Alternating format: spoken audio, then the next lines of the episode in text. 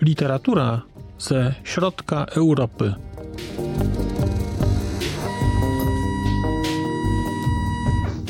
Podcast około książkowy. Wszystkie efekty dźwiękowe, które Państwo usłyszą, to są efekty dźwiękowe, które wydaje betonowa podłoga dlatego że my naprawdę nie stukaliśmy w mikrofon, ale jesteśmy e, w oranżerii Zamku Cieszyńskiego, która nie dość, że ma taką akustykę, jaką ma, to na dodatek cały czas chodzą tu ludzie. I nigdy bym nie wpadł, że głosów, których nie słychać na żywo, będzie słychać je przez mikrofon. Więc zapraszam do słuchania i przepraszam za jakość tego, co za chwilę nastąpi. Dzień dobry, witam Państwa w kolejnym odcinku podcastu Znak Litera Człowiek. Jestem na, w 24. przeglądzie Kino na granicy, a razem ze mną jest e, Ania Maślanka, blogerka, bohemistka, tłumaczka, promotorka kultury i literatury czeskiej. Dzień dobry Aniu. Cześć, dzień dobry. Czy coś powinienem jeszcze dodać? E, nie, myślę że, myślę, że najważniejsze powiedziałeś. A co było najważniejsze w tym wszystkim?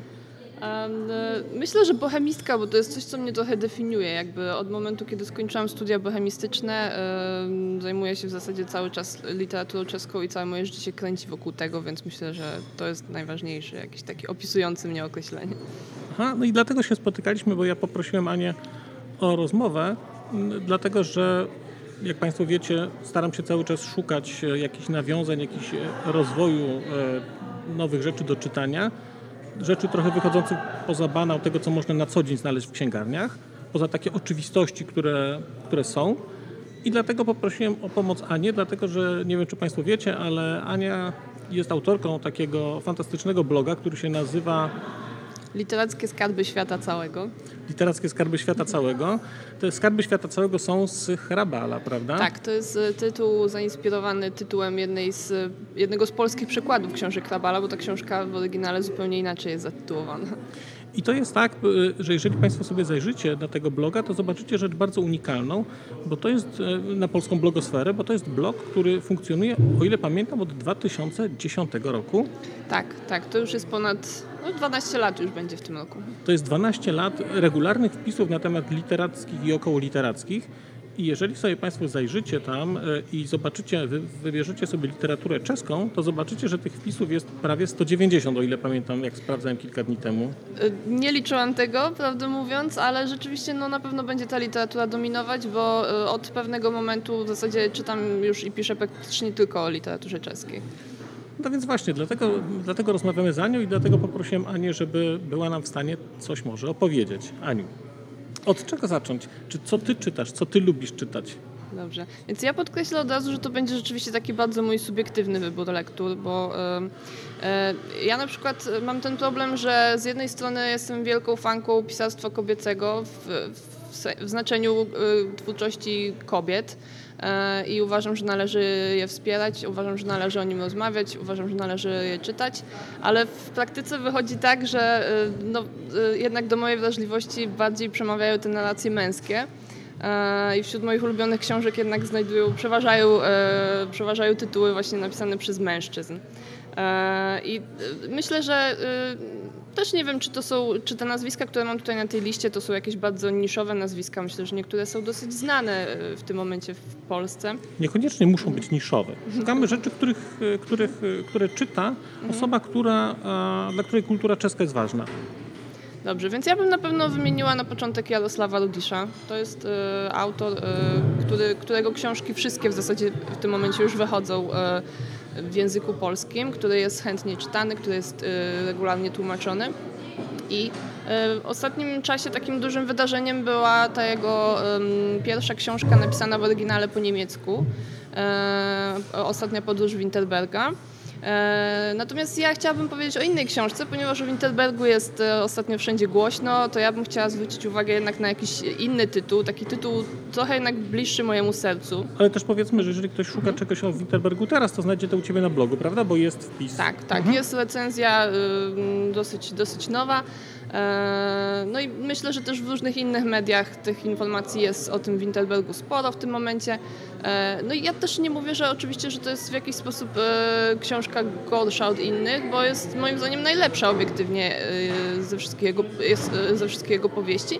Natomiast ja najbardziej lubię Czeski Raj. To jest, to jest taka książka złożona trochę z pogaduszek mężczyzn, którzy spotykają się w saunie i rozmawiają o życiu, o kobietach, o, o śmierci.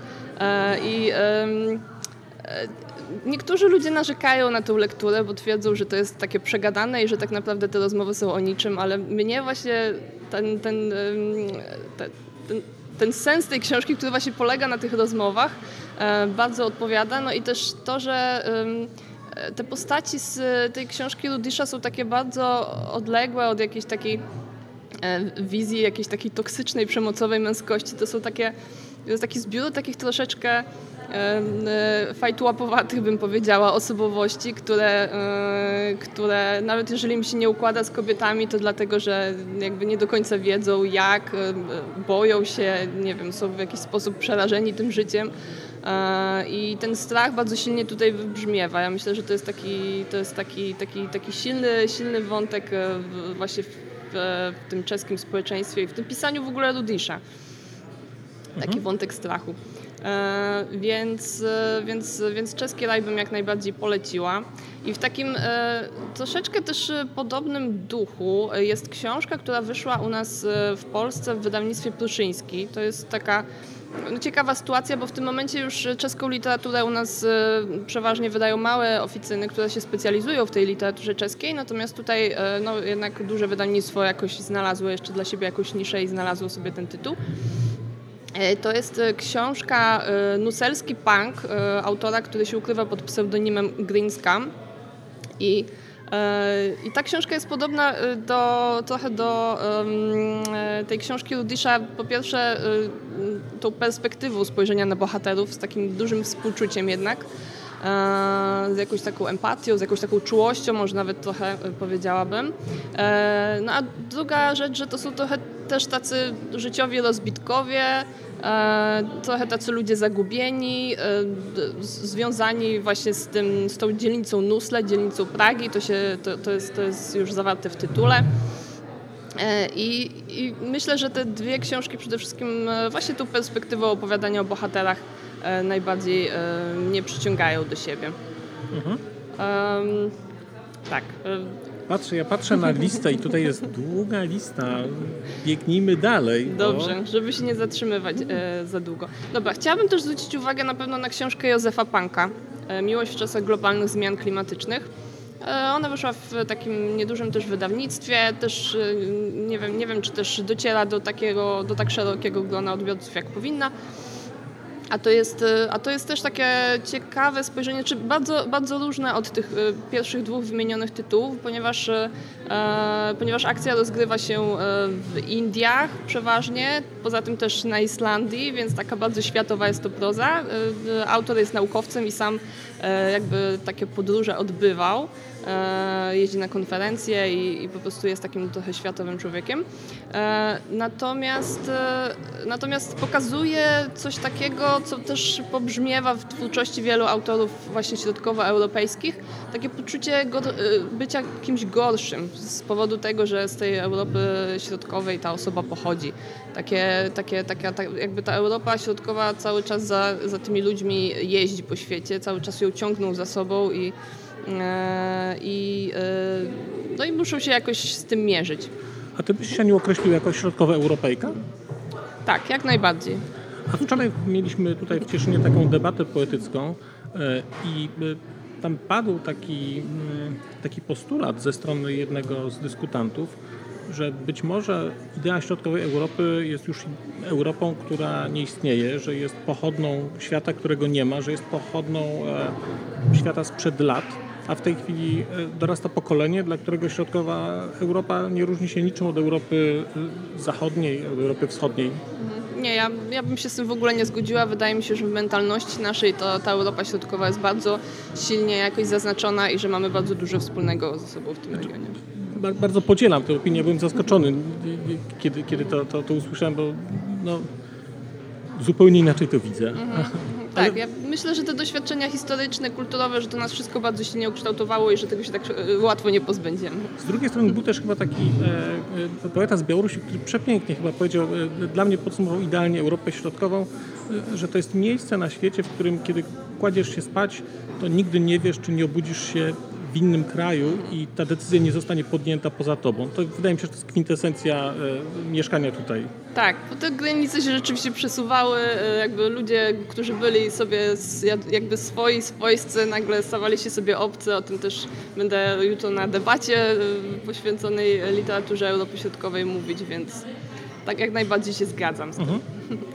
E, tak, więc e, no, może pójdę dalej. E, jeszcze tutaj jest takich autorów, też no, to będzie kolejny autor, kolejny mężczyzna, e, Marek Szyndelka. To jest taki autor, który wydaje mi się ciekawy przede wszystkim ze względu na formę. E, on pisze opowiadania, więc no, myślę, że z tego powodu też ma troszeczkę podgórkę wśród czytelników, bo jednak te opowiadania jakimś się mniejszym zainteresowaniem cieszą niż powieści. Natomiast szkoda bardzo, bo on bardzo ciekawie na przykład pisze o cielesności. On pisze też o relacjach damsko-męskich dużo. E, no, był, był wcześniej czasem też określany jako taki e, młody Milan Kundera, nowy Milan Kundera, ale mi się wydaje, że to, że to niekoniecznie jest słuszne. E, bardzo piękny język, on zaczynał jako poeta, więc też to w tym jego języku widać i czuć. E, I, I, no, myślę, że formalnie, jeżeli ktoś lubi właśnie taką, ma, takie, ma taką potrzebę takiego pięknego języka i jakichś takich ciekawych rozwiązań formalnych, to jak najbardziej po szyndelkę może sięgnąć. A czy nie jest tak, że w ogóle ta cielesność jest w tej kulturze czeskiej jakoś wartościowana trochę wyżej niż w polskiej? O, trudne pytanie. Przyznam, że się jakoś nad tym nie zastanawiałam, ale... Yy ale nie, nie, kojarzę szczerze mówiąc jakoś za dużo, za dużo takich, e, takich utworów z literatury czeskiej z ostatnich lat, e, które by się tym tematem zajmowały. Na pewno nie w taki sposób jak Szyndelka. Szyndelka rzeczywiście to robi e, bardzo ciekawie, on tak patrzy na to ciało trochę jak przez lupę, bardzo tak właśnie fizycznie, bardzo tak bardzo jakby wręcz wnika do, do, do organizmu ludzkiego, nie wiem, patrzy na te żyłki, na jakieś drobne takie wewnętrzne. Tak bardzo cieleśnie. Tak, bardzo, bardzo, bardzo, bardzo, tak fizycznie, cieleśnie, tak, tak, tak. Właśnie nie, nie, nie, nie, niekoniecznie tak czysto zmysłowo, ale bardziej właśnie kładzie nacisk na ten aspekt fizyczny.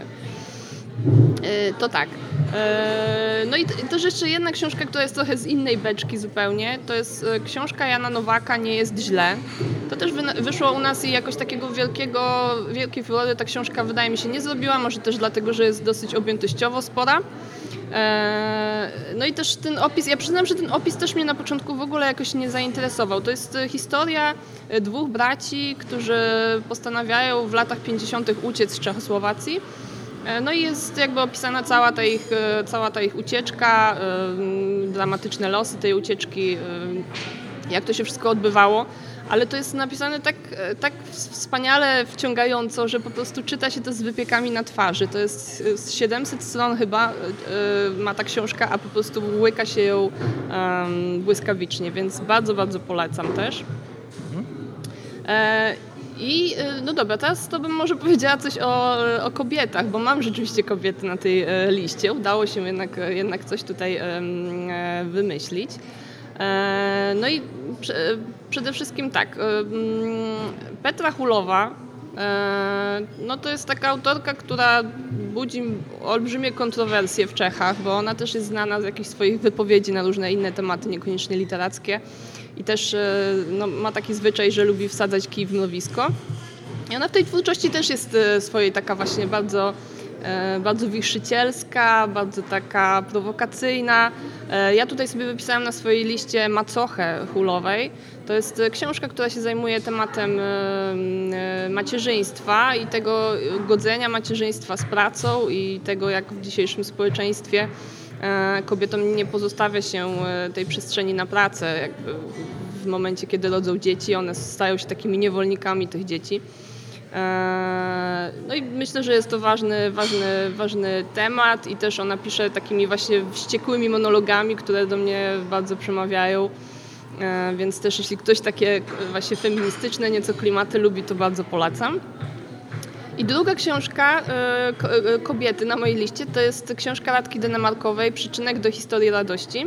Nie mogło być chyba inaczej, prawda? Żeby się nie, tak, nie znalazła Denemarkowa. Oczywiście, Denemarkowa musiała się tutaj znaleźć. To jest w ogóle, no, Mariusz Szczygieł kiedyś powiedział, że jego zdaniem to jest największa e, żyjąca czeska pisarka, ale nie tylko, nie tylko wśród kobiet pisarek, ale w ogóle na czeskiej scenie literackiej, że to jest najważniejsze, najwybitniejsze pióro w tym momencie. Jest wymieniana często jako kandydatka do Literackiej Nagrody Nobla i myślę, że no, na pewno trzeba zwrócić na nią uwagę. Natomiast akurat e, tę książkę tutaj wypisałam, ponieważ e, no, to jest też aktualny temat dziś. Ta książka jest poświęcona gwałtom i e, Denemarkowa właśnie pisze, pisze tam, pojawia się u niej takie zdanie, że ciało kobiece po raz kolejny staje się polem bitwy. No i w kontekście tego, co dzieje się w Ukrainie dziś, ja myślę, że ten temat znowu niestety boleśnie i, i, i, bardzo dotkliwie powraca. Ale książka powstała, rozumiem, wcześniej. Tak, książka... I ona teraz mhm. chyba nabiera tylko nowego wymiaru, no tak. bo to, to, pole bitwy jako takie, to nawet to, co obserwujemy na przestrzeni ostatnich lat w Polsce, to wydaje się, że Oczywiście. też można było na to patrzeć zupełnie Jasne. inaczej.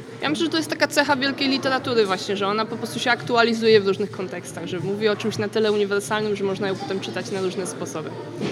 E, I mam jeszcze tutaj na koniec taki tytuł, e, który wydaje mi się, że jest troszeczkę bardziej dla koneserów e, czeskiej historii, czeskiej kultury, dwudziestowiecznej zwłaszcza.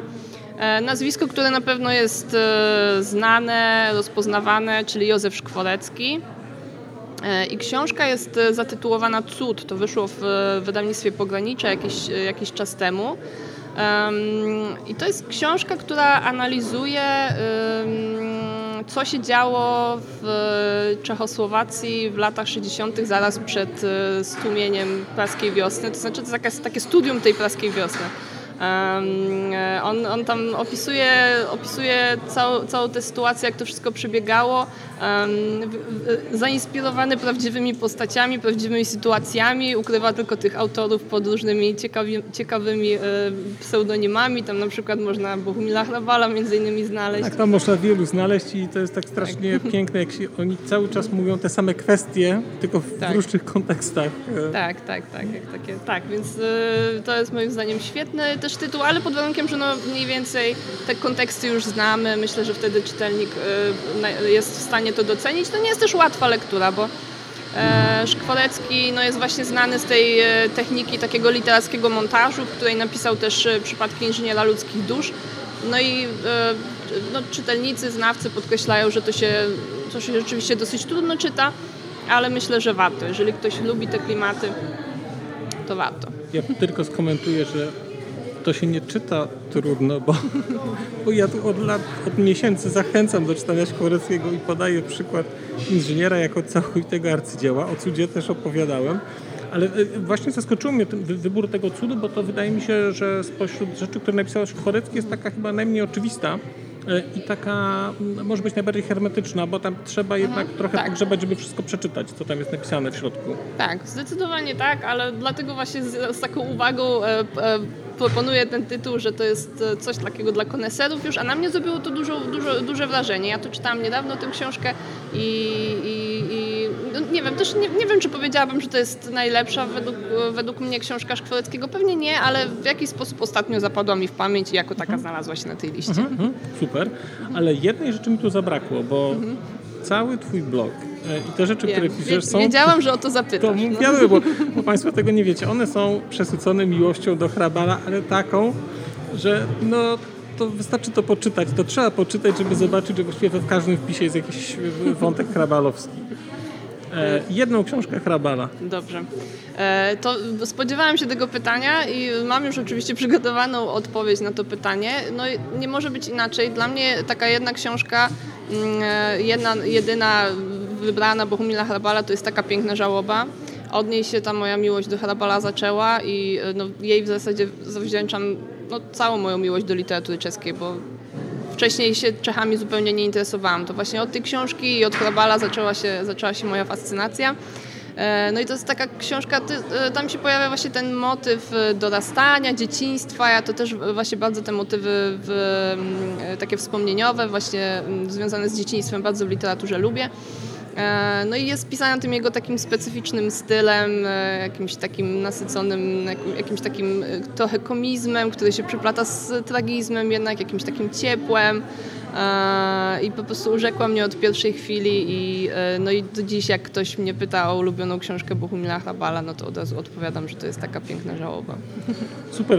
Bardzo Państwa zachęcam do czytania nie tylko Hrabala, ale w ogóle, żeby próbować te wszystkie, tych wszystkich autorów, o których tutaj Ania mówiła, dlatego że rzeczywiście ja mogę potwierdzić, jako niebochemista, ale e, osoba, która od jakiegoś czasu też czyta dużo e, literatury czeskiej, to jest tak, że człowiek nie wie, co mu się spodoba. I wiem, że dla niektórych odkryciem jest Kundera, dla niektórych odkryciem jest Hrabar, dla mnie odkryciem był Szkworecki, ale to też było, testowałem różne rzeczy i w końcu przed Szkworeckim stwierdziłem, to jest to, to jest to, co kocham, to jest e, narracja mojego życia i to tak zostało. Mm, ale to trzeba próbować. Więc, więc próbujmy, bo lista książek jest e, zacna, rzeczy są bardzo różne i wydaje się, że każdy może znaleźć coś dla siebie, e, żeby zacząć. Mm, tak, starałam się też, żeby ta lista była różnorodna, żeby tam było coś właśnie dla każdego, dlatego, e, dlatego myślę, że myślę, że każdy coś rzeczywiście tu dla siebie znajdzie. Dobrze, ja bardzo Ci dziękuję za, za poświęcony czas. Dziękuję Ci e, w imieniu e, słuchaczy i swoim. E, bo Ania tutaj pracuje, bo ja jestem tutaj gościem, a Ania jest tutaj w pracy. Więc Ania pracuje. Bardzo dziękuję, że znalazłeś dla nas czas. Nie ma problemu. I mam nadzieję, że kiedyś jeszcze będziemy mieli okazję porozmawiać. Też mam taką nadzieję. Dzięki wielkie za zaproszenie. Dziękuję. Do usłyszenia.